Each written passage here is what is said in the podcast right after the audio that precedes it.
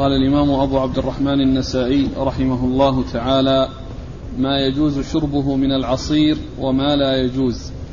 قال أخبرنا سويد قال أخبرنا عبد الله عن أبي يعفور السلمي عن أبي ثابت الثعلبي أنه قال كنت عند ابن عباس رضي الله عنهما فجاءه رجل فسأله عن العصير فقال اشربه ما كان طريا. قال إني طبخت شرابا وفي نفسي منه. قال أكنت شاربه قبل أن تطبخه؟ قال لا. قال فإن النار لا تحل شيئا قد حرم. بسم الله الرحمن الرحيم. الحمد لله رب العالمين وصلى الله وسلم وبارك على عبده ورسوله نبينا محمد وعلى آله وأصحابه أجمعين. أما بعد يقول النسائي رحمه الله ما يجوز شربه من العصير؟ نعم. وما لا يجوز. ما يجوز شربه من العصير وما لا يجوز؟ العصير هو ما يعصر من العنب وغير ذلك. وقد أورد النسائي أثر ابن عباس لما سأله رجل عن العصير قال اشربه ما دام طريا. يعني ما دام إنه في أول أمره وفي أول عصره فإن شربه لا بأس به لأنه يعني آه، في غاية السلامة ولم يبقى مدة يحتمل أن يكون حصل له فيها تغير. قال ذلك الرجل إني أني أطبخ عصيرا. إني طبخت شرابا وفي نفسي منه. إني طبخت شرابا وفي نفسي منه وفي نفسي منه. قال هل كنت شاربه قبل أن تطبخه؟ قال لا. قال فإن النار لا تحرم تحل شيئا قد حرم. إن النار لا تحرم شيئا قد حرم. لا تحل شيئا. لا لا تحل. نعم. لا تحل شيئا قد حرم. نعم. لا تحل شيئا قد حرم. لما سأل هذا الرجل عن كونه طبخ ذلك الشراب وشربه بعد طبخه وفي نفسه منه شيء لأنه لا يشربه قبل أن يطبخ. فقال له أكنت شاربه قبل أن تطبخه؟ قال لا. قال فإن النار لا تحل شيئا قد حرم. يعني ما دام أنك يعني تمتنع منه وتحرمه على نفسك قبل أن تطبخه فطبخك إياه لا يغير حاله. وهذا يبين أو هذا الأثر يبين أن المقصود من آه، الشيء الذي كانوا يطبخونه والذي هو الطلاء الذي يذهب ثلثاه ويبقى ثلثه المقصود منه الشيء الذي لم لم يكن مسكرا ولم يصل إلى حد الإسكار وإنما هو قبل الإسكار. لأن قوله هنا إن النار لا تحل شيئا قد حرم يعني معنى هذا أن الطبخ للشيء لا يغيره من كونه ممنوعا إلى كونه سائغا وجائزا بل ما كان جائزا قبل الطبخ هو يكون جائزا بعد الطبخ. وما كان ممنوعا قبل الطبخ يكون ممنوعا بعد الطبخ. نعم. قال أخبرنا سويد. سويد بن نصر المروزي ثقة أخرج حديثه الترمذي والنسائي. عن عبد الله هو بن المبارك المروزي ثقة أخرج له أصحاب كتب الستة. عن أبي يعفور. عن أبي يعفور وهو عبد الرحمن بن عبيد بن نسطاس وهو ثقة. أخرج حديثه؟ أصحاب الكتب. أخرج حديثه أصحاب الكتب الستة. عن أبي ثابت الثعلبي. عن أبي ثابت الثعلبي وهو أيمن بن ثابت. صدوق؟ نعم. أخرجه النسائي. صدوق أخرج له النسائي وحده. عن ابن عباس. عن ابن عباس عبد الله بن عباس بن عبد المطلب ابن عم النبي صلى الله عليه وسلم. وأحد العبادلة الأربعة من أصحاب الكرام. وأحد السبعة المعروفين بكثرة الحديث عن النبي صلى الله عليه وسلم. يقول السندي لا تحل شيئا أي رد لقولهم في الطلاء أنه يحل إذا ذهب ثلثه. أي نعم. لأن الطلاء كما قد عرفنا أنه يحل إذا يعني أنه آه، إذا ذهب ثلثاه فإنه وبقي الثلث فإنه يستعمل. يعني وهذا رد لقول من قال إنه آه، إذا كان يعني آه، مسكرا أو كان في النفس منه شيء قبل قبل الطبخ ثم طبخ فإنه لا يحل. ثم طبخ فإنه لا يحل. لكن إذا كان آه، سائغا قبل الطبخ يكون سائغا بعد الطبخ. وإذا كان ممنوعا قبل الطبخ يكون ممنوعا بعد الطبخ لأن النار لا تحل شيئا قد حرم. طيب آثار البارحة في الطلاء وشربه وأن إذا ذهب الثلثان يعني هل كان قبل ذلك محرما فبالمعالجة أو بالطبخ؟ لا لا. هو نعم. مثل ما جاء في هذا الحديث. هو مبني على أو محمول على ما جاء في هذا الحديث. على أنه يعني آآ آآ أنه لم يصل إلى حد الإسكار وإذا وصل إلى لم يصل إلى حد الإسكار قبل الطبخ. قبل الطبخ نعم. قال أخبرنا سويد قال أخبرنا عبد الله عن ابن جريج قراءة قال أخبرني عطاء قال سمعت ابن عباس رضي الله عنهما يقول والله ما تحل ما تحل النار شيئا ولا تحرمه. قال ثم فسر لي قوله لا تحل شيئا لقولهم في الطلاء ولا تحرمه. أه المسند أخبر قال أخبرنا سويد قال أخبرنا عبد الله عن ابن جريج قراءة قال أخبرني عطاء قال سمعت ابن عباس رضي الله عنهما يقول والله ما تحل النار شيئا ولا تحرمه. قال ثم فسر لي قوله لا تحل شيئا لقولهم في الطلاء ولا تحرمه. يعني كان هذا الكلام مثل الكلام الذي ذكره السندي في الأسفل, في الأسفل يعني رد لقولهم رد لقولهم. يعني هذا الكلام آه، إيش قوله هذا الكلام؟ وفسر لي ثم فسر لي. ثم فسر لي قوله لا تحل شيئا. ثم فسر لي قوله لا تحل شيئا بأنه رد يعني معناه أنه رد لقولهم لأن هنا آه، لقولهم كذا لقولهم كذا. فكان المقصود رد لقولهم كذا أنه يحل الطلاء. يعني إذا ذهب ذهب ثلثاه فيما إذا كان يعني آه، قبل قبل الطبخ يعني أنه قد تغير واشتد. نعم. نعم. أيوه فسر لي؟ ثم فسر لي قوله لا تحل شيئا لقولهم في الطلاء كأنه رد لقولهم بأنه رد لقولهم. فسره بأنه رد لقولهم. يعني كان فيه سقط أو شيء آه. نعم ها؟ إيه يعني بالتبخر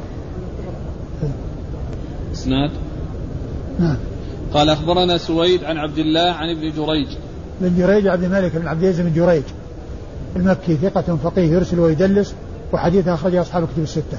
عن عطاء. عن عطاء بن أبي رباح المكي ثقة أخرجه أصحاب الكتب الستة. عن ابن عباس وقد مر ذكره.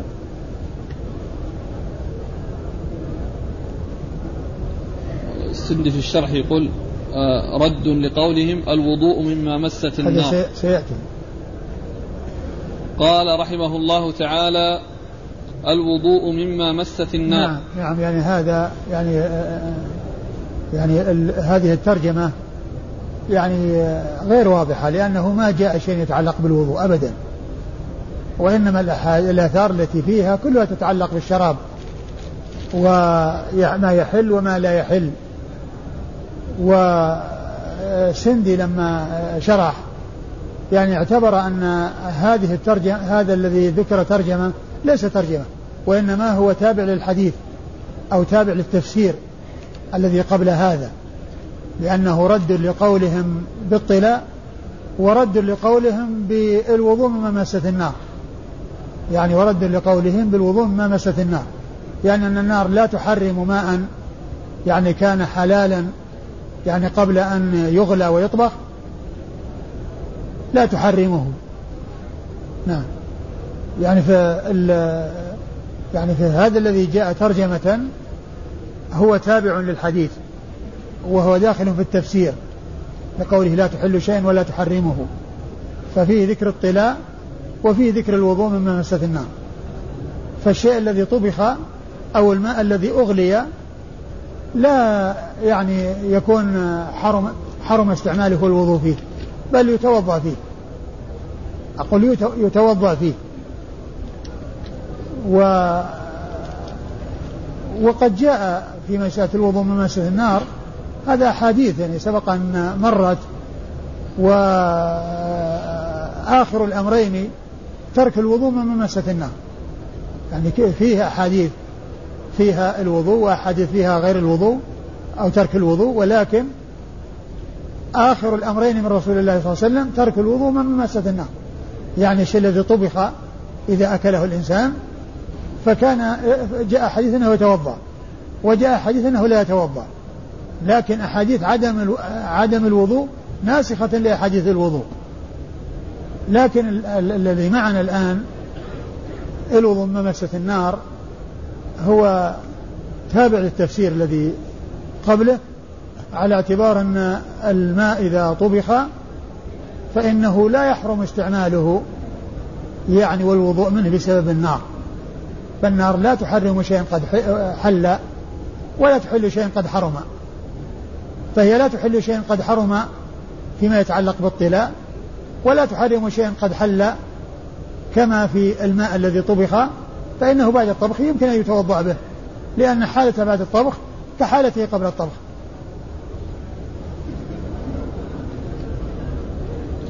لكن أحسن الله إليك الطلاء يعني إذا ما طبخ على الصفة المعينة يبقى حرام.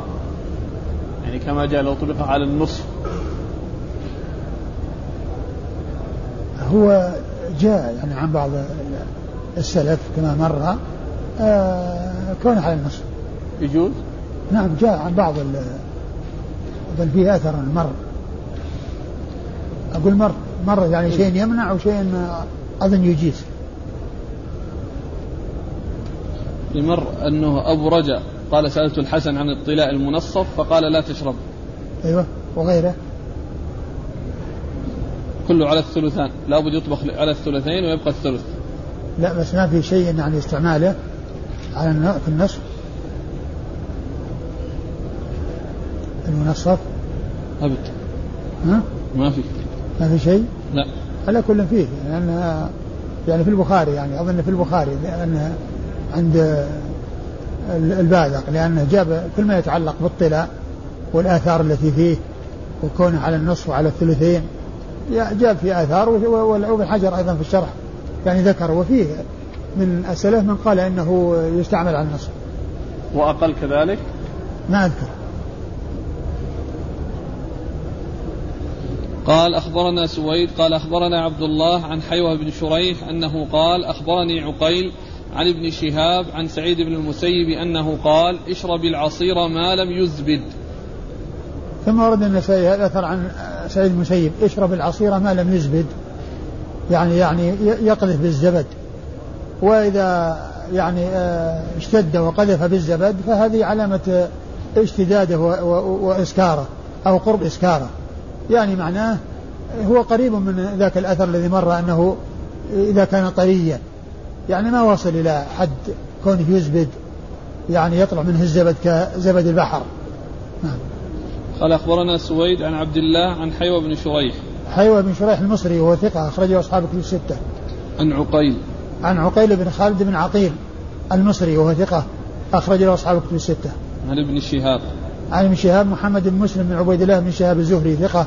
أخرج له أصحاب الكتب الستة. عن سعيد بن عن سعيد بن المسيب وهو أحد فقهاء المدينة السبعة ثقة فقيه أخرج له أصحاب الكتب الستة. قال أخبرنا سويد قال أخبرنا عبد الله عن هشام بن عائد الأسدي أنه قال سألت إبراهيم عن العصير قال اشربه حتى يغلي ما لم يتغير آه ثم أورد النسائي أثر عن إبراهيم النخعي قال سئل سأله رجل عن العصير قال اشربه حتى يغلي.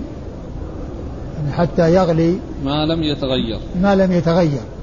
يعني معناها إذا إلى إلى إلى, إلى حين آه إلى حين اشتداده ما لم يتغير. يعني معناه أنه ما لم يتغير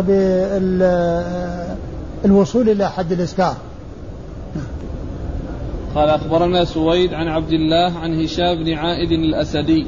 عن هشام بن عائد الأسدي وهو صدوق أخرجه النسائي. صدوق أخرجه النسائي وحده. عن إبراهيم. عن إبراهيم بن يزيد بن قيس النخعي ثقة فقيه أخرج له أصحاب كتب الستة. قال أخبرنا سويد قال أخبرنا عبد الله عن عبد الملك عن عطاء في العصير أنه قال اشربه حتى يغلي. ثم ورد النسائي أثرا عن عطاء اشربه حتى يغلي. وهو مثل أثر آه إبراهيم النخعي. قال أخبرنا سويد عن عبد الله عن عبد الملك. عبد الملك بن أبي سليمان صدوق له أوهام أخرج حديثه البخاري تعليقا تعليقا ومسلم وأصحاب السنن عن عطاء. عن عطاء بن أبي رباح وهو ثقة أخرج أصحاب الستة. قال أخبرنا سويد قال أخبرنا عبد الله عن حماد بن سلمة عن داود عن الشعبي أنه قال اشربه ثلاثة أيام إلا أن يغلي. ثم أورد النسائي الأثر عن الشعبي اشربه ثلاثة أيام إلا أن يغلي يعني بأن يشتد ويقذف الزبد إذا كان قبل الثلاثة الأيام واشتد فإنه لا يشرب. وإذا لم يكن كذلك فإنه يشرب إلى ثلاثة أيام. نعم. قال أخبرنا سويد عن عبد الله عن حماد بن سلمة. حماد بن سلمة بن دينار ثقة أخرج حديثه البخاري تعليقا ومسلم وأصحاب السنن. عن داود. عن داود بن أبي هند وهو ثقة أخرج له البخاري تعليقا ومسلم وأصحاب السنن. عن الشعبي. عن الشعبي عامر بن شراحيل. الشعبي ثقة فقيه أخرجه أصحاب الكتب الستة. قال رحمه الله تعالى ذكر ما يجوز شربه من الأنبذة وما لا يجوز.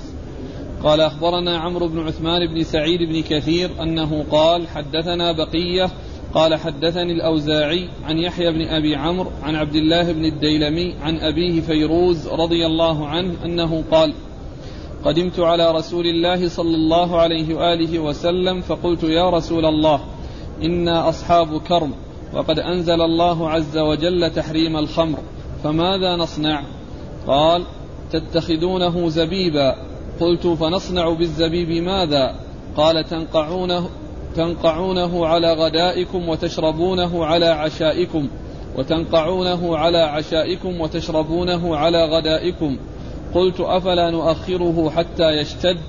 قال لا تجعلوه في القلل واجعلوه في, في الشنان فإنه إن تأخر صار خلا.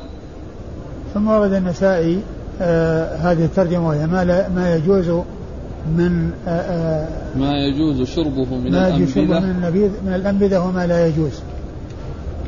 أورد النسائي حديث فيروز الديلمي. حديث فيروز الديلمي رضي الله عنه. أنه جاء إلى النبي صلى الله عليه وسلم وقال إنا أصحاب كرم. فما ف وقد نزل تحريم الخمر. فماذا نصنع في أعنابنا؟ لأنهم قبل كانوا يستعملونه خمرا. ولما حرمت الخمر سألوا ماذا يصنعون في هذه الأعناب؟ قال تجعلونه زبيبا. يعني تيبسونه يصير زبيب.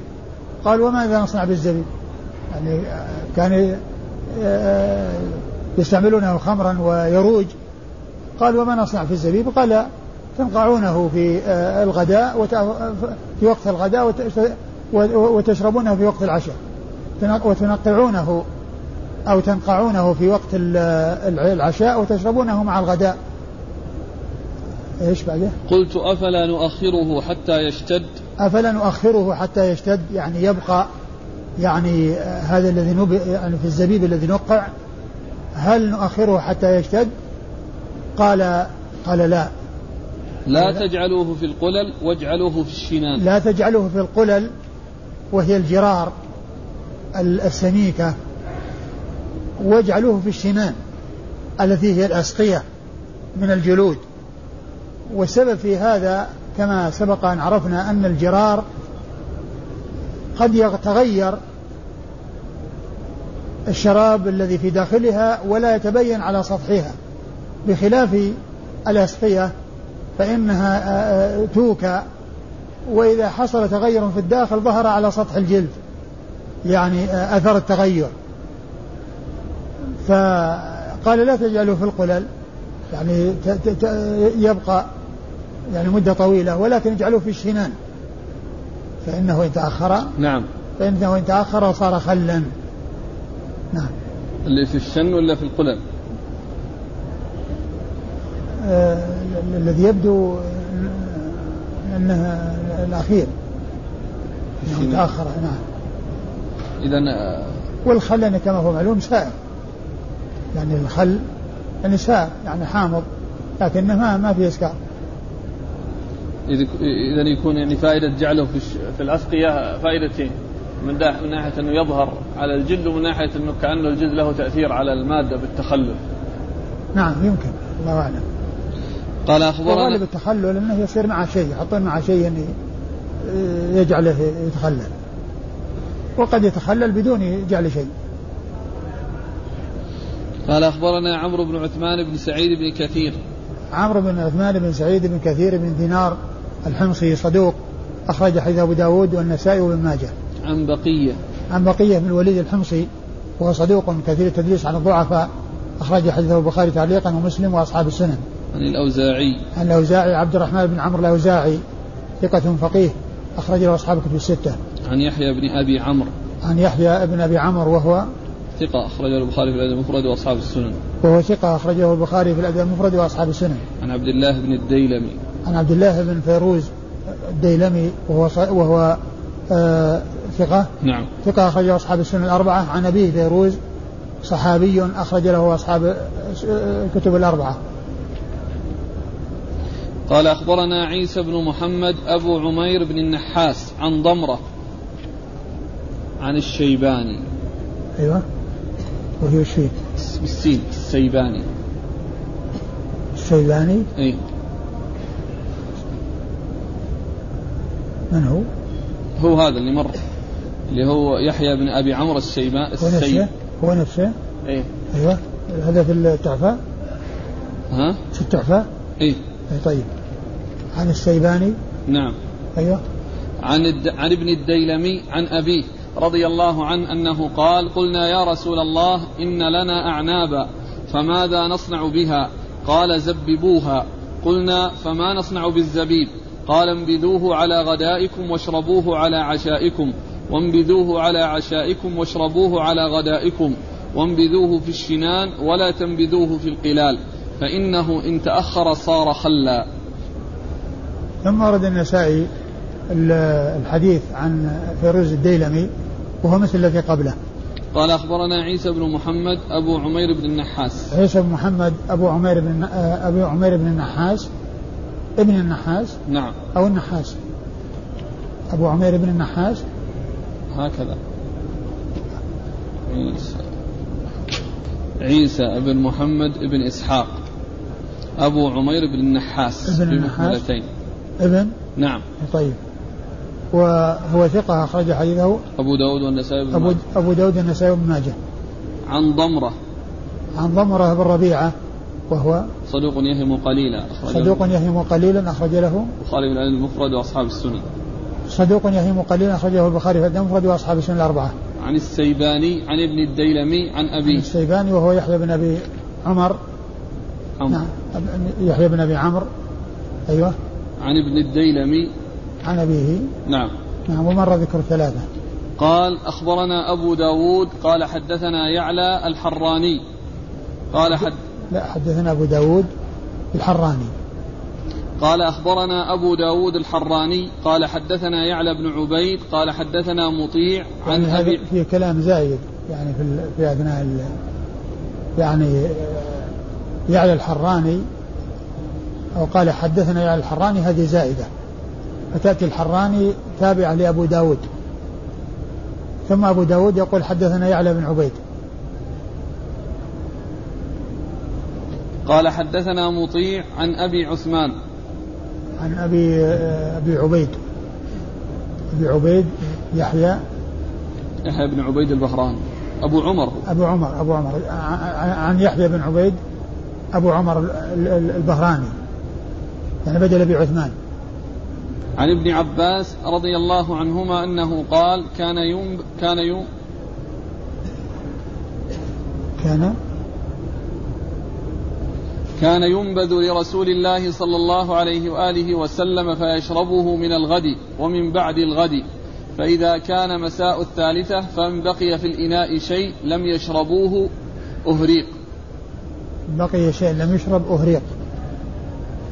أورد النسائي حديث ابن عباس. حديث ابن عباس رضي الله عنه كان ينبذ لرسول الله صلى الله عليه وسلم العشية ويشربه من وجبة. فيشربه من الغد. يشربه من الغد. ومن بعد الغد. ومن بعد الغد فإذا جاء مساء الثالثة. مساء الثالثة وبقي شيء لم يشربوه أهريقا. يعني معناه أنه يعني ما يتعدى ثلاث ثلاث. لأنه يعني إذا وصل إلى ذلك يعني صار عرضة للإسكار. وإن كان يختلف يعني في بعض في بعض البلدان من جهة الحرارة والبرودة يعني ليس كله على حد سواء تختلف البلدان يعني في التأثر والتغير. يعني قد يكون يعني أكثر من ثلاث وقد يكون أقل من ثلاث.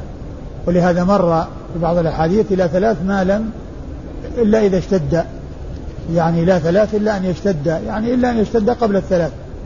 نعم. قال أخبرنا أبو داود الحراني. أبو داود الحراني سليمان بن سيف ثقة أخرجه النسائي وحده. عن يعلى بن عبيد. عن يعلى بن عبيد الطنافسي وهو ثقة أخرجه أصحاب كتب الستة. عن مطيع. عن مطيع بن عبد الله الغزال وهو صدوق أخرج له النسائي. وهو صدوق أخرج حديثه النسائي وحده. عن عن يحيى بن عبيد. عن يحيى بن عبيد أبي عمرو البهراني وهو ثقة. صدوق. وهو صدوق أخرج حديثه مسلم. وأبو داود والنسائي بن ماجه. أخرج حديثه مسلم وأبو داود والنسائي بن ماجه. عن ابن عباس. عن ابن عباس وقد مر ذكره.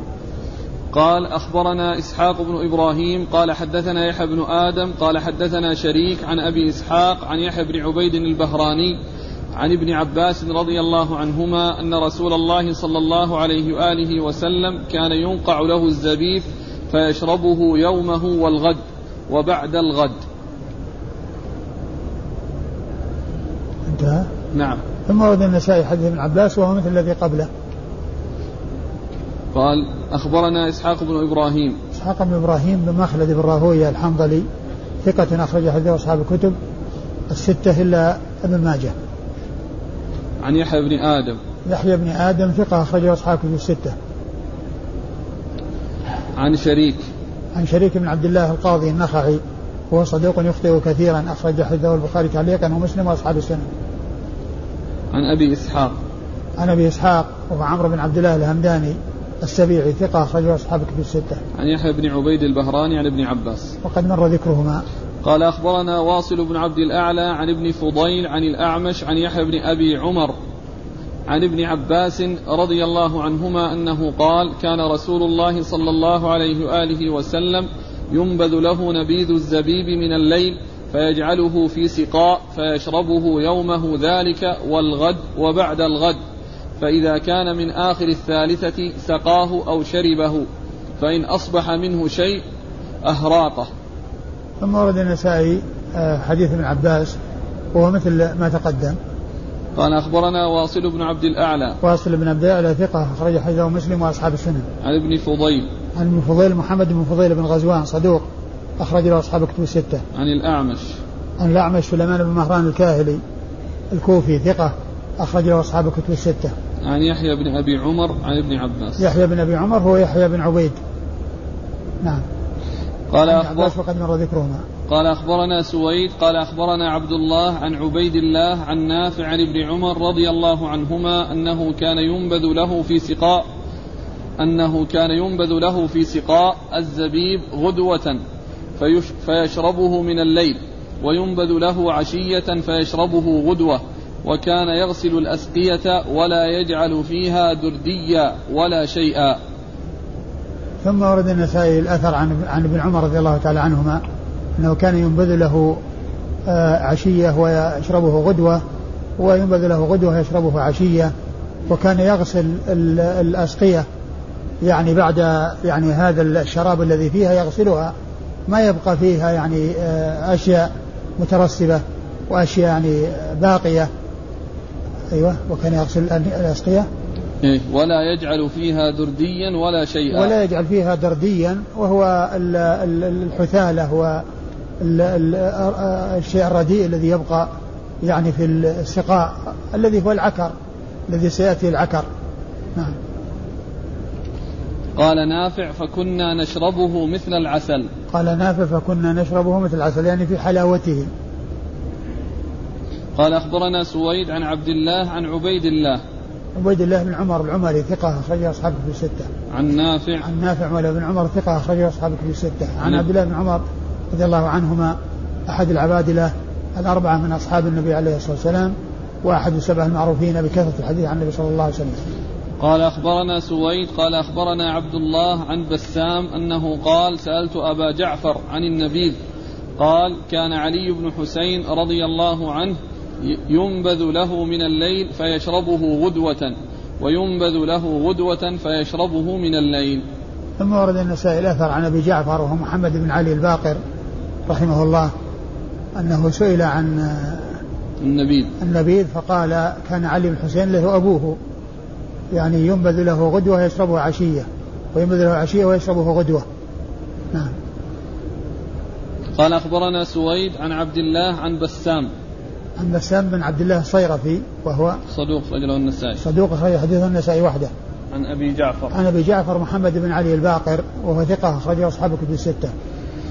قال أخبرنا سويد قال أخبرنا عبد الله قال سمعت سفيان سئل عن النبيذ قال انتبذ عشيا واشربه غدوة. ثم ورد النسائي أثر عن سفيان الثوري وهو مثل ما تقدم. قال أخبرنا سويد عن عبد الله عن سفيان. سفيان هو بن سعيد المسروق الثوري ثقة فقيه وصف بأنه أمير المؤمنين في الحديث وحديث أخرجه أصحاب الكتب الستة. قال أخبرنا سويد قال أخبرنا عبد الله عن سليمان التيمي عن أبي عثمان وليس بالنهدي أن أم الفضل رضي الله عنها أرسلت إلى أنس بن مالك رضي الله عنه تسأله عن نبيذ الجر فحدثها عن النضر ابنه أنه كان ينبذ ينبذ في جر ينبذ غدوة ويشربه عشيا. ثم ورد النسائي الأثر عن آه، أنس. عن أنس بن مالك رضي الله عنه أنه سئل عن عن نبيذ الجر. سئل عن نبيذ الجر يعني ما ينبذ في الجرار. فقال كان فحدثهم عن ابنه النضر أنه كان ينبذ له غدوة ويشربه عشية وينبذ له عشية ويشربه غدوة. والمقصود من ذلك آه، أن أنس رضي الله عنه بين أن ذلك سائغ إذا كان بهذا الوصف وبهذه الزمن وبهذه المدة. وقال و و و و ثم أخبر أن هذا يعمل في بيته لابنه النظر وليس المقصود الرواية والتحديث عن ابنه وأنه يروي عن ابنه أو يحدث عن ابنه وإنما بيان أن هذا شيء يعتقده هو ويعمل في بيته. ولو كان حراما لما أقره في بيته. يعني أي أنس بن مالك رضي الله عنه. المقصود من ذلك بيان أن أنس رضي الله عنه بين أن ذلك حلال وأنه يعمل في بيته. نعم. قال أخبرنا سويد عن عبد الله عن سليمان التيمي. سليمان التيمي هو سليمان بن طرخان التيمي ثقة أخرجه أصحابه في الستة. عن أبي عثمان وليس بالنهدي. عن أبي عثمان قال سليمان وليس بالنهدي أي المشهور يعني الذي هو إمام ومحدث. أبو عثمان النهدي. ولكن هذا أبو عثمان وليس بالنهدي. أراد أن يبين حتى لا يظن أنه النهدي. ويعني اسمه إيش قال؟ قيل اسمه سعد. قيل اسمه سعد. وهو مقبول؟ نعم. وهو مقبول أخرج حديثه. أبو داود النسائي بن ماجه. أخرج حديثه أبو داود النسائي بن ماجه. عن أنس. عن أنس مالك رضي الله عنه صاحب رسول الله صلى الله عليه وسلم وخادمه وأحد السبعة المعروفين بكثرة الحديث عن النبي صلى الله عليه وسلم. قال أخبرنا سويد قال أخبرنا عبد الله عن معمر عن قتادة عن سعيد بن المسيب أنه كان يكره أن أن يجعل نطل النبيذ في النبيذ ليشتد بالنطل. ثم ورد النسائي أثر عن سعيد بن المسيب أنه كان يكره أن يجعل نطل النبيذ نعم في النبيذ ليشتد بالنطل. في النبيذ ليشتد بالنطل. يعني النطل هو الحثالة أو الرديء. يعني إذا وضع مع شيء يشتد. يعني فكانوا لا يضعونه. بل جاء عن بعضهم أنه كان يغسل استقاء. يعني من أثر آه، آه، ذلك آه، الذي يبقى فيه. نعم. قال أخبرنا سويد عن عبد الله عن معمر. معمر بن راشد الأزدي ثقة أخرجه أصحاب الكتب الستة. عن قتادة. عن قتادة من دعامة السدوسي البصري ثقة أخرجه أصحاب الكتب الستة. عن سعيد بن المسيب. عن سعيد بن المسيب وقد مر ذكره. قال أخبرنا سويد قال أخبرنا عبد الله عن سفيان عن داود بن أبي هند عن سعيد بن المسيب أنه قال في النبيذ خمره درديه ثم أورد النسائي أثر سعيد المسيب أنه قال في النبيذ خمره دردية يعني أن هذا الردي الذي يكون يعني في الأسقية أو في الأواني إذا وضع مع العصير أو مع الشراب فإنه يخمره أو يصير خمرا بسببه. نعم. قال أخبرنا سويد عن عبد الله عن سفيان عن داود بن أبي هند عن سعيد بن المسيب. وقد مر ذكرهم جميعا. قال أخبرنا سويد قال أخبرنا عبد الله عن شعبة عن قتادة عن سعيد بن المسيب أنه قال إنما سميت الخمر لأنها تركت حتى مضى صفوها وبقي كدرها وكان يكره كل شيء ينبذ على عكر. ثم ورد النسائي أثر سعيد المسيب أنه كان كان يقول إنما سميت الخمر لأنها تركت. إنما سميت الخمر لأنها تركت حتى ذهب صفوها وبقي كدرها. يعني يعني آه تغيرت إلى أن صارت خبيثة. أيوة. وكان يكره كل شيء ينبذ على عكر. وكان يكره كل شيء ينبذ على عكر. العكر هو الذي يبقى في الأوعية والأواني. الذي هو الدردي الذي هو الشيء الحثالة. وهذه إذا نبذ معها أو جعلت مع النبيذ فإنه يسارع إليه الإسكار. قال أخبرنا سويد عن عبد الله عن شعبة. شعبة بن الحجاج الواسط ثم البصري ثقة أخرج له أصحاب الكتب الستة. عن قتادة عن سعيد بن المسيب. وقد مر ذكرهما. قال رحمه الله تعالى ذكر الاختلاف على إبراهيم في النبيذ. والله تعالى أعلم وصلى الله وسلم وبارك على عبده ورسوله نبينا محمد وعلى آله وأصحابه أجمعين.